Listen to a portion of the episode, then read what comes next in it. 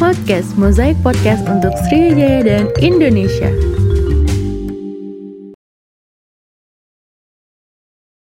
Uh, Kak ini jadi kita bisa langsung mulai Kak ya? Oke. Okay. Izin buat mulai Kak ya. Halo teman-teman, selamat pagi, selamat siang, dan selamat malam semuanya. Gimana nih kabarnya? Semoga teman-teman di rumah dalam keadaan sehat dan pastinya selalu bahagia ya. Oh ya, jangan lupa untuk selalu menerapkan protokol kesehatan di mana pun kalian berada. Tentunya dengan gerakan 3M, mencuci tangan, memakai masker, dan menjaga jarak. Oke, sebelumnya selamat datang di Mozaik Podcast buat teman-teman yang baru bergabung nih. Dan selamat datang kembali buat teman-teman yang udah setia untuk dengerin Mozaik Podcast. Nah, pada episode kali ini kita akan membahas topik yang tidak kalah menarik dari episode-episode sebelumnya. Sebelum kita mulai, ada pepatah yang mengatakan, tak kenal maka tak sayang, tak sayang maka tak cinta. Oleh karena itu, izinkan saya untuk memperkenalkan diri terlebih dahulu. Perkenalkan, nama saya Kania Seramadani, biasa dipanggil Rama. Saya merupakan mahasiswi pendidikan matematika angkatan 2019 Universitas Sriwijaya. Saya dari Kementerian Lingkungan Hidup, BMKN Munsri, Kabinet Mozaik Harapan. Nah, kali ini kita sudah kedatangan narasumber cantik dan tentunya tidak kalah hebat dari narasumber-narasumber sebelum sebelumnya. Langsung saja kita panggil Kak Heni Martini. Halo Kak Heni, Assalamualaikum. Hai, Waalaikumsalam warahmatullahi wabarakatuh. Gimana nih nih? kabarnya? Lumayan lumayan mendung di Sabtu pagi. Semoga nggak begitu bikin kita ingin tidur ya sambil dengerin podcast biar ngobrolnya santai asik.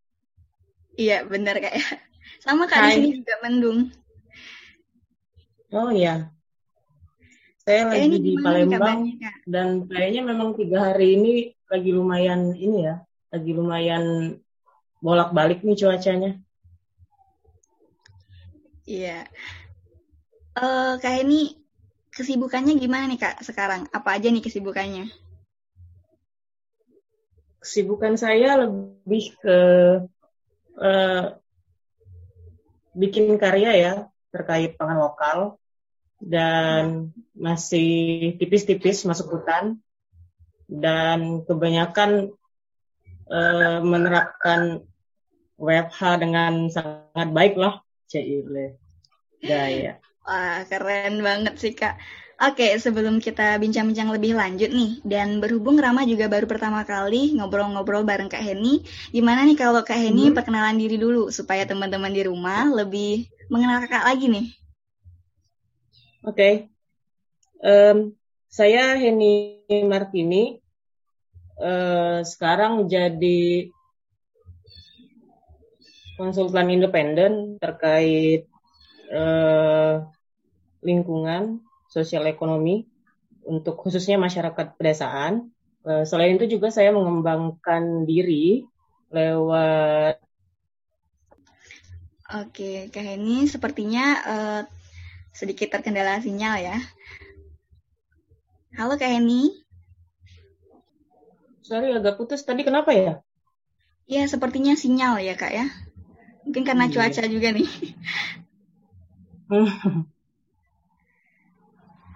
uh, ya, saya nah, kan sempat kuliah di kimia Unsri, MIPA dulu.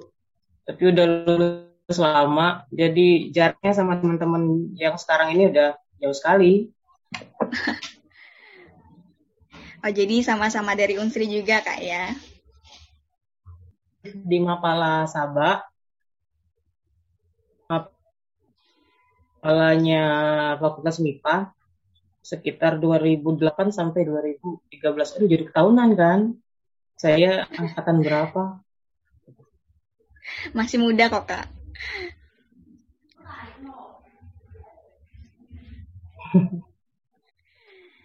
nah, Iyalah. mungkin Iya. Nah, mungkin itu tadi perkenalan singkat dari Kak Heni. Oke, tanpa berbasa-basi lagi, langsung saja kita, kita masuk ke topik kita dengan tema lestarikan alam untuk kehidupan sekarang dan hmm. mendatang. Tentunya, untuk di Indonesia sendiri, hmm. tema yang diangkat kali ini sangat relevan, mengingat bahwa urusan terkait degradasi lahan dan kekeringan menjadi permasalahan yang harus dicarikan solusinya secara bersama-sama. Degradasi di Indonesia ini tentunya hmm. diakibatkan oleh banyak sebab seperti misalnya jumlah populasi manusia, kemiskinan, dan masih banyak lagi. Nah, sebenarnya bagaimana sih Kak eh, kondisi kekeringan lahan di Indonesia, khususnya di wilayah kita, wilayah Sumatera Selatan ini Kak? Oke, okay, sebenarnya kalau ngobrolin kekeringan, khususnya di Sumsel itu lebih ke ke musim kemarau ya, karena eh, vegetasi di Sumsel itu dari hulu ke hilirnya cukup variatif, dari dataran rendah, dari gunung-gunung sampai ke bakau, gambut juga, Nah, yang paling menjadi sorotan biasanya soal kekeringan itu ketika di musim kemarau gambut terbakar. Dan seperti yang kita hmm, iya, rasakan bersama kemarin-kemarin, ya seperti kebakaran hutan, asap di mana-mana, air susah, dan lain-lain. Um, di gambut, terutama di Sumsel ini ada di dua daerah, di dua kabupaten, uh, luasan gambut besar itu ada di Ogan Komering Ilir dan di Musi Banyasin. Nah, kebanyakan memang uh, gambut di kedua daerah itu di diserahkan ke pengurusannya, pengelolaannya ke perusahaan-perusahaan besar seperti uh, Akasia, ada juga beberapa mungkin yang kena di sawit mungkin ya. Tapi ada juga beberapa sebagian kecil yang dikelola oleh masyarakat, masyarakat pedesaan tentunya. Ya, soal kekeringan kembali lagi karena banyaknya sekat-sekat kanal yang dibangun oleh perusahaan-perusahaan sehingga mengeringkan lahan yang ada di sekitar eh, konsesi mereka sehingga membuat uh, kekeringan di musim kemarau dan secara otomatis gambut tanahnya kering terus kondisi matahari pasti terik sekali ketika bulan ketika musim-musim kemarau. Pemicunya api sedikit saja ya sudah. Terjadi uh, kebakaran lagi terjadi asap lagi di mana-mana peningkatan uh, jumlah penderita ISPA juga semakin tinggi. Dan ya sulit untuk hidup ya karena air bersih sangat berkurang. Kita di kota enak, maksudnya enak itu nggak berhadapan langsung lah sama kondisi kebakarannya karena kita jauh dari lokasi sumber kebakaran, dari sumber kekeringan itu. Tapi masyarakat di desa yang kehidupannya sangat bergantung sama alam, ya begitulah adanya. Bisa kita bisa kita bayangkan lah kurang lebih. Ya benar kak. Begitu. Nah menurut kakak e, gimana sih cara melestarikan alam yang saat ini semakin marak terjadinya kekeringan lahan kak? Uh, kembali ke ini nih, kembali ke kembali ke kesadaran di level kesadaran itu sudah sangat ini ya, sudah sangat kurang ya saya pikir sekarang, terutama kesadaran kolektif. Kita penting menumbuhkan kesadaran kolektif itu ya melalui musyawarah musyawarah di level di level pertemanan, di level tempat tinggal, di level ya yang deket-deket dulu lah. Misalnya ini Mbak Rama nih di level mahasiswa bareng sama teman-temannya di BEM misalnya. Kita mau ngapain nih? Masalahnya nih begini nih. Terus kita musyawarah musyawar uh, musyawarahnya apa? Ya bahas masalah diskusi-diskusi dapat isu eh dapat solusi. Ya setelahnya ya aksi sih saya pikir. Misalnya kayak gini nih uh, isu kekeringan di sekitar Unsri nih misalnya. Di desa apa yang jadi tetangganya Unsri, teman-teman bikin kajian singkat, kajian lapangan singkat yang gak usah ribet-ribet yang harus bikin laporan ala-ala skripsi nggak perlu. Misalnya oh dia kekeringan, kekeringannya gimana, debit airnya sekian nih kalau misalnya lagi musim lagi musim uh, hujan, lagi musim kering, debit airnya jadi segini, dampaknya apa? Nggak ada air bersih, nggak bisa nggak bisa uh, minum, minum harus beli sekian.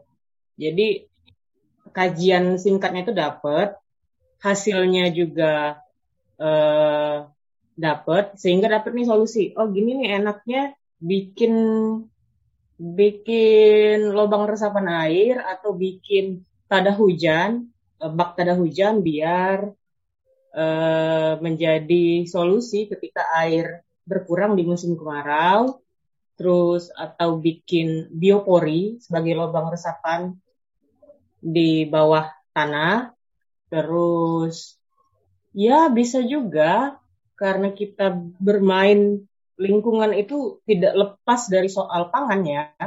Jadi yeah. mau nggak mau kita memang harus ngurusin makanan kita ke depannya. Ngurusin makanan kita tuh dalam artian gini nih. Kamu punya rumah di desa itu, rumah itu kan nggak nggak mungkin nggak punya halaman ya.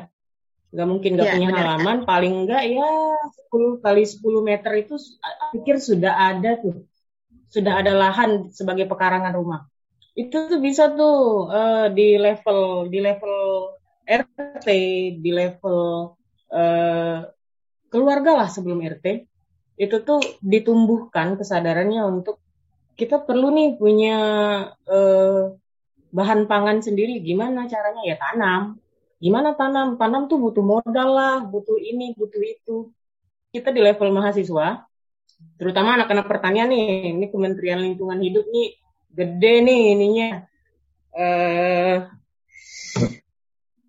apa tuh Tanggung jawabnya langsung ke lingkungan ya kak? Gaya dan iya betul betul besar tantangannya maksudku. Iya.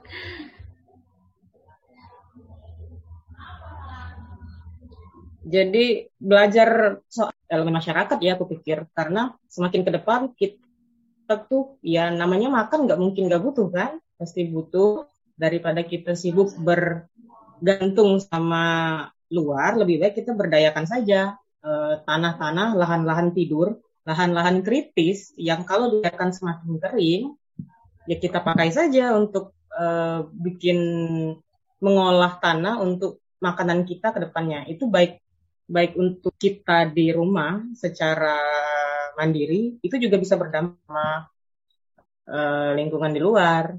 Nah, mahasiswa tuh wah enak banget soalnya punya waktu luang yang lebih banyak dari orang-orang yang sudah bekerja daripada orang tuanya maksudku. Jadi untuk belajar bikin-bikin kayak eh, pupuk-pupuk organik, bikin belajar untuk bikin-bikin pestisida alami segala macam itu sangat cocok daripada ngerjain yang lain maksudku untuk di untuk menghadapi kasus kekeringan seperti ini.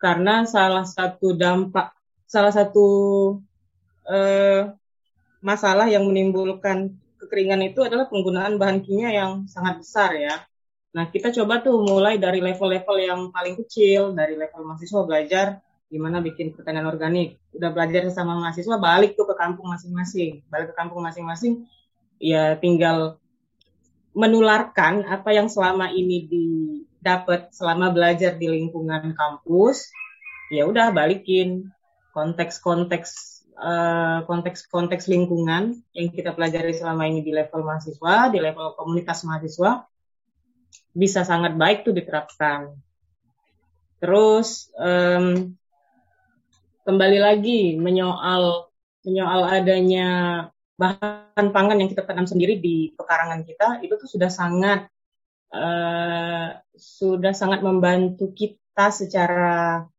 mandiri agar dapat tumbuh sendiri gitu loh. Tumbuh sendiri itu dalam artian kalau kita panen cabai dari rumah kita kita nggak perlu lagi nih cabai dari luar mengingat cabai yang kita tanam sendiri kita tahu asal usulnya nggak pakai pestisida, nggak pakai pupuk, nggak pakai duit malah untuk mengelola dan kita nggak perlu capek-capek jauh-jauh ke pasar untuk beli bahan pangan yang harusnya bisa kita bikin sendiri di rumah.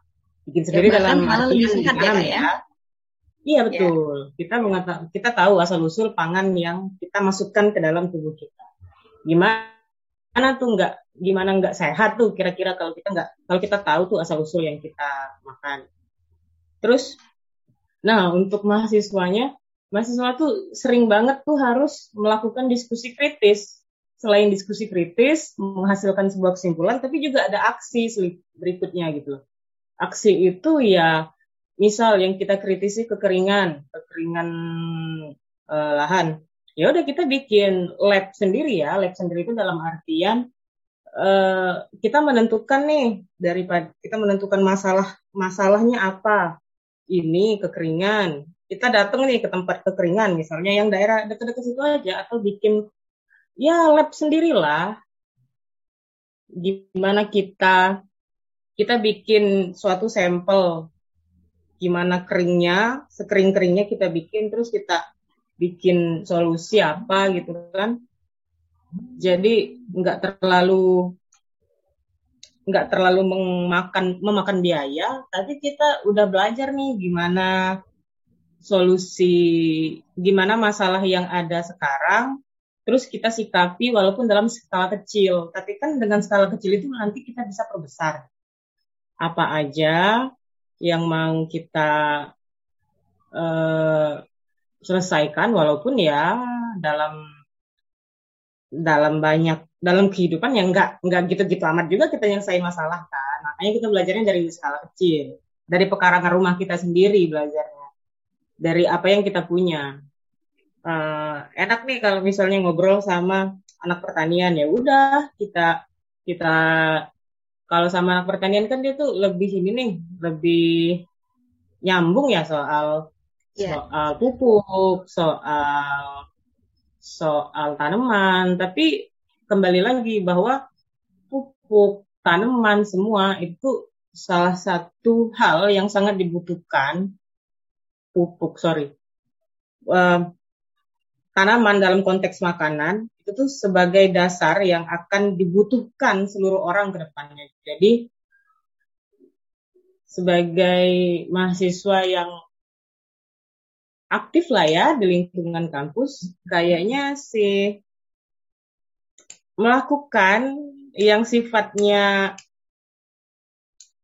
apa ya, yang sifatnya musyawarah kolektif di level itu tuh udah udah oke okay banget gitu loh. Apalagi berkacanya sama kearifan lokal. Karena teman-teman di level mahasiswa kan dari orang 10 dalam satu komunitas, 10-nya 10 10 dari daerah yang berbeda tuh bisa membawa bisa membawa uh, budaya sendiri dari masing-masing daerah. Oh, di daerah saya, saya dari dari Musi Banyu Asin. Iya, saya dari Gambut. Kami itu kalau mau nanam ya misalnya nggak pakai dibakar atau apa gitu kan punya punya punya cerita tersendiri dari gunung misalnya dari daerah pagar alam kami kalau misalnya menanam seperti ini seperti ini ya sudah itu digabungkan saja. Dan didapatkan uh, praktek baru yang uh, based on lapangan gitu loh. Based on lapangan terus kalian punya punya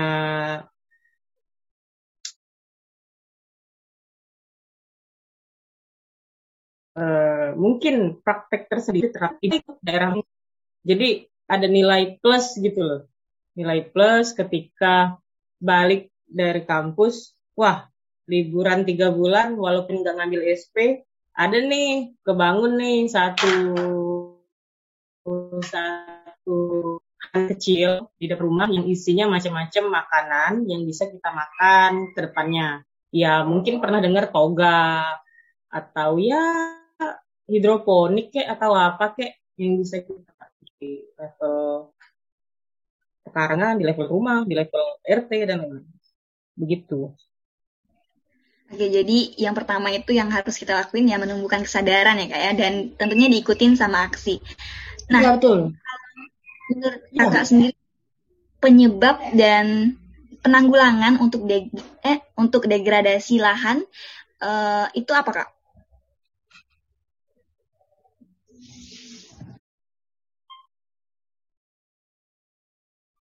kita semakin rame ya di Indonesia ini ya. Maksudnya banyak yang populasi itu bertambah setiap setiap hari itu pasti aku pikir lahir semua lahir bayi. Walaupun diiringi juga dengan jumlah kematian kan. Nah selain itu juga ya dengan adanya pertambahan orang, pertambahan populasi manusia, artinya kan kebutuhan akan lahan itu pasti. Minimal dia pengen punya rumah kan minimal tuh. Rumah aja udah sekian kali sekian yang dikatakan ideal untuk dihuni oleh satu keluarga satu kakak. Berarti kan ya kalau satu orang tua punya sembilan anak berarti paling enggak punya akan sembilan rumah kan ke depan. Iya benar. Itu nah ya manusia itu nggak bisa terpisah dan artinya dia bikin sumur.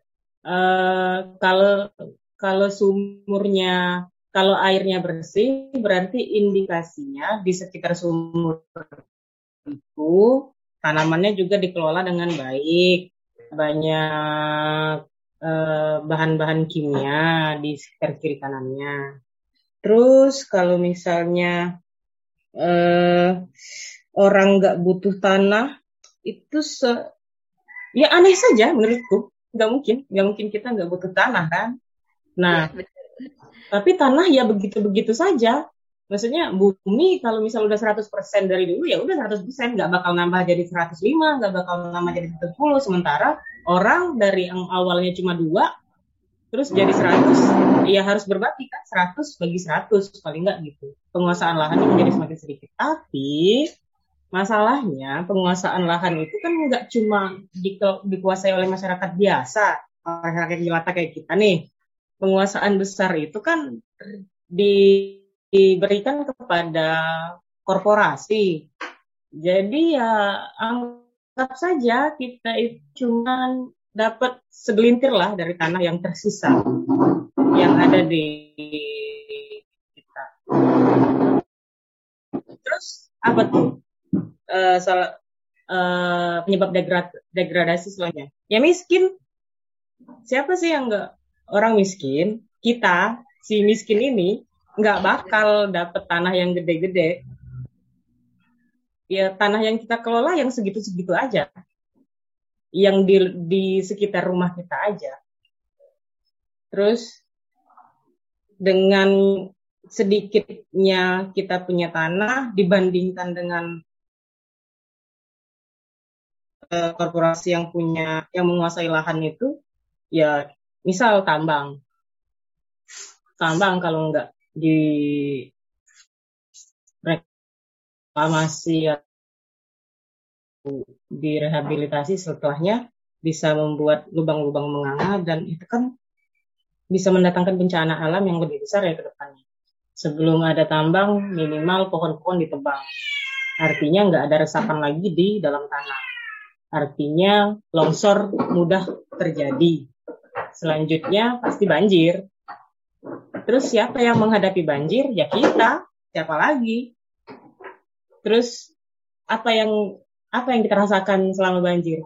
Ya nggak perlu ditanya lagi. Selain kita kehilangan sumber daya kita, sumber daya kehidupan yang selama ini kita kumpulkan, kita juga kehilangan uh, ya paling enggak hidup kita tuh terskip minimal sekian lama dulu karena menghadapi bencana alam toh terskip itu dalam artian ya pemulihan satu kaget lalu kita harus memulihkan diri kita dari trauma dan harus ada banyak biaya dengan banyak biaya yang harus kita keluarkan karena bencana alam. Bayangkan kalau itu dicegah, kita nggak perlu keluar tuh biaya. Sama kayak kekeringan lahan, uh, kebakaran lahan, sorry. Kalau misal bisa kita kita cegah, ya berarti kita nggak harus ngelihat helikopter terbang bawa timba untuk ngambil air di tengah sungai, dibawa lagi ke lahan yang terbakar. Kita nggak perlu ngelihat itu. Terus apa lagi ya? Kayaknya reklamasi tambang nggak dilakukan, ya sudah sama kayak yang saya bilang di tadi di awal tadi bakal mendatangkan bencana alam dan lain-lain. Ya begitulah. Nah kak, sekarang ini kan lagi panas-panasnya isu uh, di Pulau Sangihe itu ya kak. Nah, gimana hmm. nih pandangan kakak atau pendapat kakak tentang isu ini kak? Aduh, Sangihe di Sulawesi Utara yang wabuknya meninggal itu ya? Iya kak, benar. Ya. Lagi hangat banget kan dibicarain. Lagi hangat banget. Itu kalau nggak salah PT itu PT TMS ya? Tambang Mas Sangihe kalau nggak salah. Hmm. Sudah punya kon, izin eh kontrak kontrak sejak 97 terus sudah mengalami sudah melakukan eksplorasi sekitar 6 atau 7 tahun dari 2007 sampai 2013 kalau nggak salah. Tapi di 2008 sempat antara pemerintah daerah, pemerintah eh, tokoh masyarakat Sangihe dan masyarakat-masyarakat Sangihe membuat kesepakatan untuk tidak ada untuk tidak menambang di sekitar Sangihe. Tapi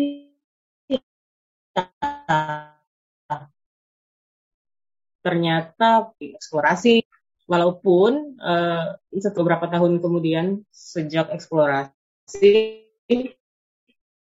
luas tambangnya berkurang sih ya berkurang 30 persenan dari yang awalnya 100 100 ribu hektar yang boleh ditambang menjadi 80 ribuan kalau nggak salah.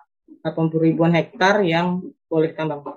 Tapi yang enggak disadari oleh penguasa lah bahasanya. Entah itu disadari atau enggak. Kan dengan banyaknya tambang, dengan adanya tambang semakin luas di suatu wilayah, bukan cuma Sangihe ya. Artinya seperti yang kita bahas tadi, eh, ancaman gempa itu pasti tinggi, longsor itu pasti terjadi, karena memang nggak ada tegakan sama sekali di sana. Nggak ada penahan air nggak ada penahan tanah di sana kan.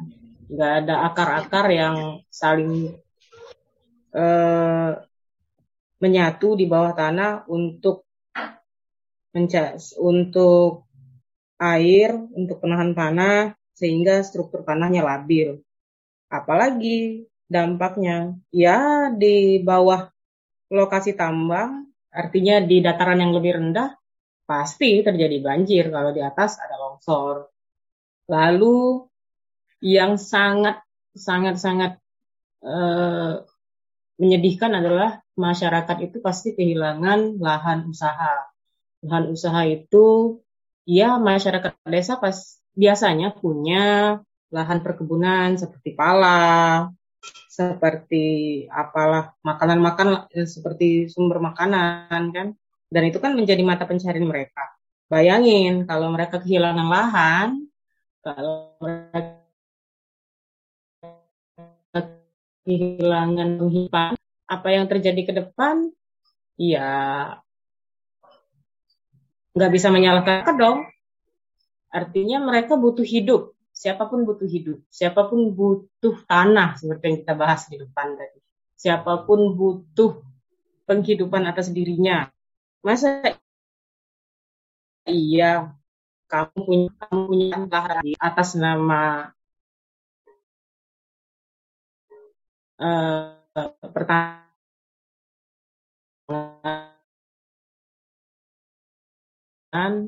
tapi kamu sekian sendiri dari bahasa kamu menghidupkan tanah yang kamu selama ini tinggali, bayangkan saja, mungkin uh, uang yang diberikan untuk pembebasan lahan itu sekian cukup untuk beberapa saat ke depan. Tapi selanjutnya kan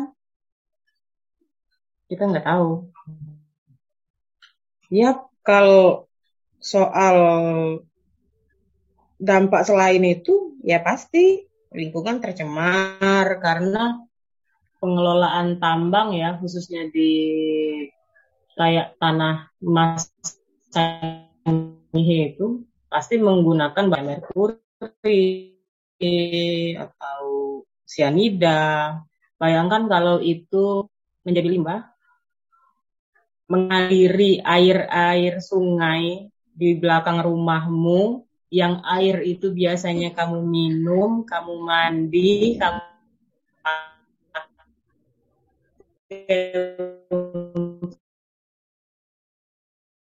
segala kehidupanmu, bayangkan bagaimana kesehatanmu ke depan itu kesadaran-kesadaran itu seharusnya memang disebar luaskan di masyarakat. Sangihe masyarakat Sangihe menolak itu karena mereka sudah sadar itu. Banyak. Iya. Terus gimana tuh? Tadi aku sudah ngobrolin sampai merkuri, sampai cyanida. Karena memang nggak bakal kita makan dari dari sungai yang dari dari tanah yang kita lirik bawa ke Oke, tadi kita udah ngebahas uh, soal isu di Sangihe ya kak. Nah tadi kan udah sedikit kakak hmm. singgung nih. Untuk peran yang bisa diambil oleh mahasiswa uh, dalam mencegah kerusakan alam itu sendiri gimana sih kak? Ya kalian bikin kajian start. Istikat saja, nggak terlalu nggak usah perlu yang gede-gede kayak skripsi nggak mau nggak apa-apa tapi kalau kajian singkat itu awalnya lewat di, diaktifkan lagi diskusi kritisnya terhadap isu sosial isu lingkungan yang ada di sekitar di uh, lebih peka tadi lalu uh, punya pandangan yang kritis dan sama sebagai komunitas mahasiswa lalu bikin aksi. Aksi misalnya seperti keringan tadi yang saya bilang di awal. Misal kalian bikin uh, satu soal kekeringan, kalian bikin satu lab khusus, kalian kalian bikin uh, percontohan tanah sedemikian rupa di level di halaman sekretariat kalian dijadikan sangat kering atau diberi perlakuan apa sehingga kondisinya mirip dengan kondisi di lapangan yang sebenarnya. Terus kalian bikin eh, perlakuan-perlakuan khusus gimana nih caranya biar nggak terlalu uh, biar tanahnya balik lagi kayak normal walaupun nggak senormal biasanya gitu. Bikin perlakuan-perlakuan khusus. Terus kayak misalnya menghadapi ringan itu erat kaitannya juga sama ketak uh, pangan kita depan, ke depan ya. Kalian bisa bikin percontohannya juga kebun-kebun kecil yang ya cukup 5 kali 5 meter udah jadi dan kalian belajar di situ gimana caranya bikin pupuk-pupuk sederhana yang alami, bikin pestisida alami, gimana caranya biar tanah itu bisa menyimpan air lebih banyak ketika musim hujan. Misalnya kita bikin biopori, kita masukkan ke dalam tanah, kita lihat, ya menjadikan halaman kecil yang ada di sekitar rumah, di sekitar sekretariat menjadi lab belajar kita dan ilmunya bisa kita bawa ketika kita KKN, ketika kita nanti balik ke ke kampung masing-masing, ya artinya kita punya lebih dibanding mahasiswa yang mungkin pulang apa ya istilahnya? Pulang kuliah pulang Nah, itu aku pikir menjadi nilai lebih dari teman-teman mahasiswa yang berkomunitas di kampusnya, yang berorganisasinya. Kita mesti itu kalau nggak artinya sama saja dengan mahasiswa yang aktif. Gitu, Mbak Jadi selain kita berdiskusi kritis, menghasilkan satu kesimpulan satu kajian yang kritis dengan hasil yang bisa yang disepakati bersama sehingga kita bisa men, mendiskusikan solusi-solusi yang dilakukan untuk dipraktekkan. Lagi misalnya kita kecil di depan rumah kita di depan sekretariat kita. Aku pikir itu hemat biaya hemat hemat tenaga kalau kita lakukan secara bersama-sama secara kolektif. Karena nggak bakal ya isu-isu kekeringan, isu-isu sosial, isu-isu lingkungan itu nggak bakal selesai dengan sendiri. Pasti harus berkomunitas, kita harus menggait teman-teman yang satu visi dengan kita, minimal teman-teman dekat. Karena ya biasanya frekuensinya kan lebih nyambung tuh kalau udah deket. Begitu. Oke, nah untuk dampak yang ditimbulkan jika uh, tidak adanya kesadaran akan kekeringan lahan itu kira-kira apa, Kak? Ya, itu tadi di level mahasiswa udah di level mahasiswa kan kita ngobrolin kita punya masalah ini itu ini itu. Terus ketika mahasiswanya balik balik kampung maksudnya eh, menghadapi masalah yang kurang lebih sama misalnya ya sudah kita ajak ngobrol masyarakat sekitar tetangga-tetangga kita kita ajak ngobrol kita ajak diskusi kenapa bisa kayak gini masalahnya kenapa kenapa membesar atau dampaknya sudah semakin sudah semakin jauh dari yang kita perkirakan selama ini. Ya sama kayak kita berdiskusi dengan teman-teman kita di level komunitas kampus tinggal skalanya mungkin kita lebih besar karena kita sudah ketemu lapangan yang sebenarnya. Kalau tadi kita menciptakan lab, lab sendiri sebagai tempat belajar nah sekarang kita udah ketemu realitas kita ketemu kehidupan aslinya di masyarakat gimana gitu kan. Jadi ya sudah tinggal kita praktekkan ketika kita sudah dapat ilmu dari lab yang kita ciptakan sendiri kita tinggal aplikasikan ketika kita di masyarakat. Ya kuncinya kalau di level masyarakat penyadar tahuan, tapi bukan sifatnya ini ya sekali sekali datang selesai enggak karena butuh intensif, butuh kesabaran yang tinggi. Eh, kita harus ngobrolin dampak sama masyarakat. Kalau kita mau penyadar tahuan, kita harus ekstra sabar karena ya kita berhadapan sama komunitas langsung masyarakat secara umum, ya, bukan teman-teman kita yang sudah kita bisa tebak nih. Ah si A nih arah pikirannya kayak gini-gini ya udah itu karena udah semak, udah udah temenan ya. Tapi kalau sama komunitas harus harus intensif karena bermain sama masyarakat ya akan melatih kita juga sebagai orang yang berkecimpung di bidang itu. Penyadar tahuan ya pengorganisiran. Kita harus bertindak kolektif di masyarakat. Karena nggak mungkin kita sendirian. Oke, Nah, itu tadi penjelasan dari Kak Heni terkait tema kita pada hari ini, yaitu lestarikan alam untuk masa sekarang dan mendatang. Nah, sebelum kita akhiri obrolan kita pada hari ini nih Kak, kira-kira ada lagi nggak hmm. yang mau disampaikan untuk teman-teman yang ada di rumah nih, khususnya teman-teman mahasiswa? Tadi, uh, menanamlah di halaman rumahmu. Oke. Okay. Menanamlah di halaman rumahmu kamu suka pedas tanam cabai, kamu suka sayur tanam apa sawi kayak tanam, tanam terong, tanam kangkung. Kalau kamu pengen beralih dari beras, kamu tanamlah ubi, singkong. Kalau kamu pengen, kalau kamu nggak punya tanam, nggak punya halaman di rumah, bertetanggalah dengan baik, ajak tetangganya, ajak ngobrol, kayak dikit-dikit ya di apa ya kalau bahasa Palembangnya di di anyang-anyang lah. Diajak-ajak tetangganya untuk bikin tanaman. Ya kecil-kecil aja nggak usah. Nggak usah besar-besar.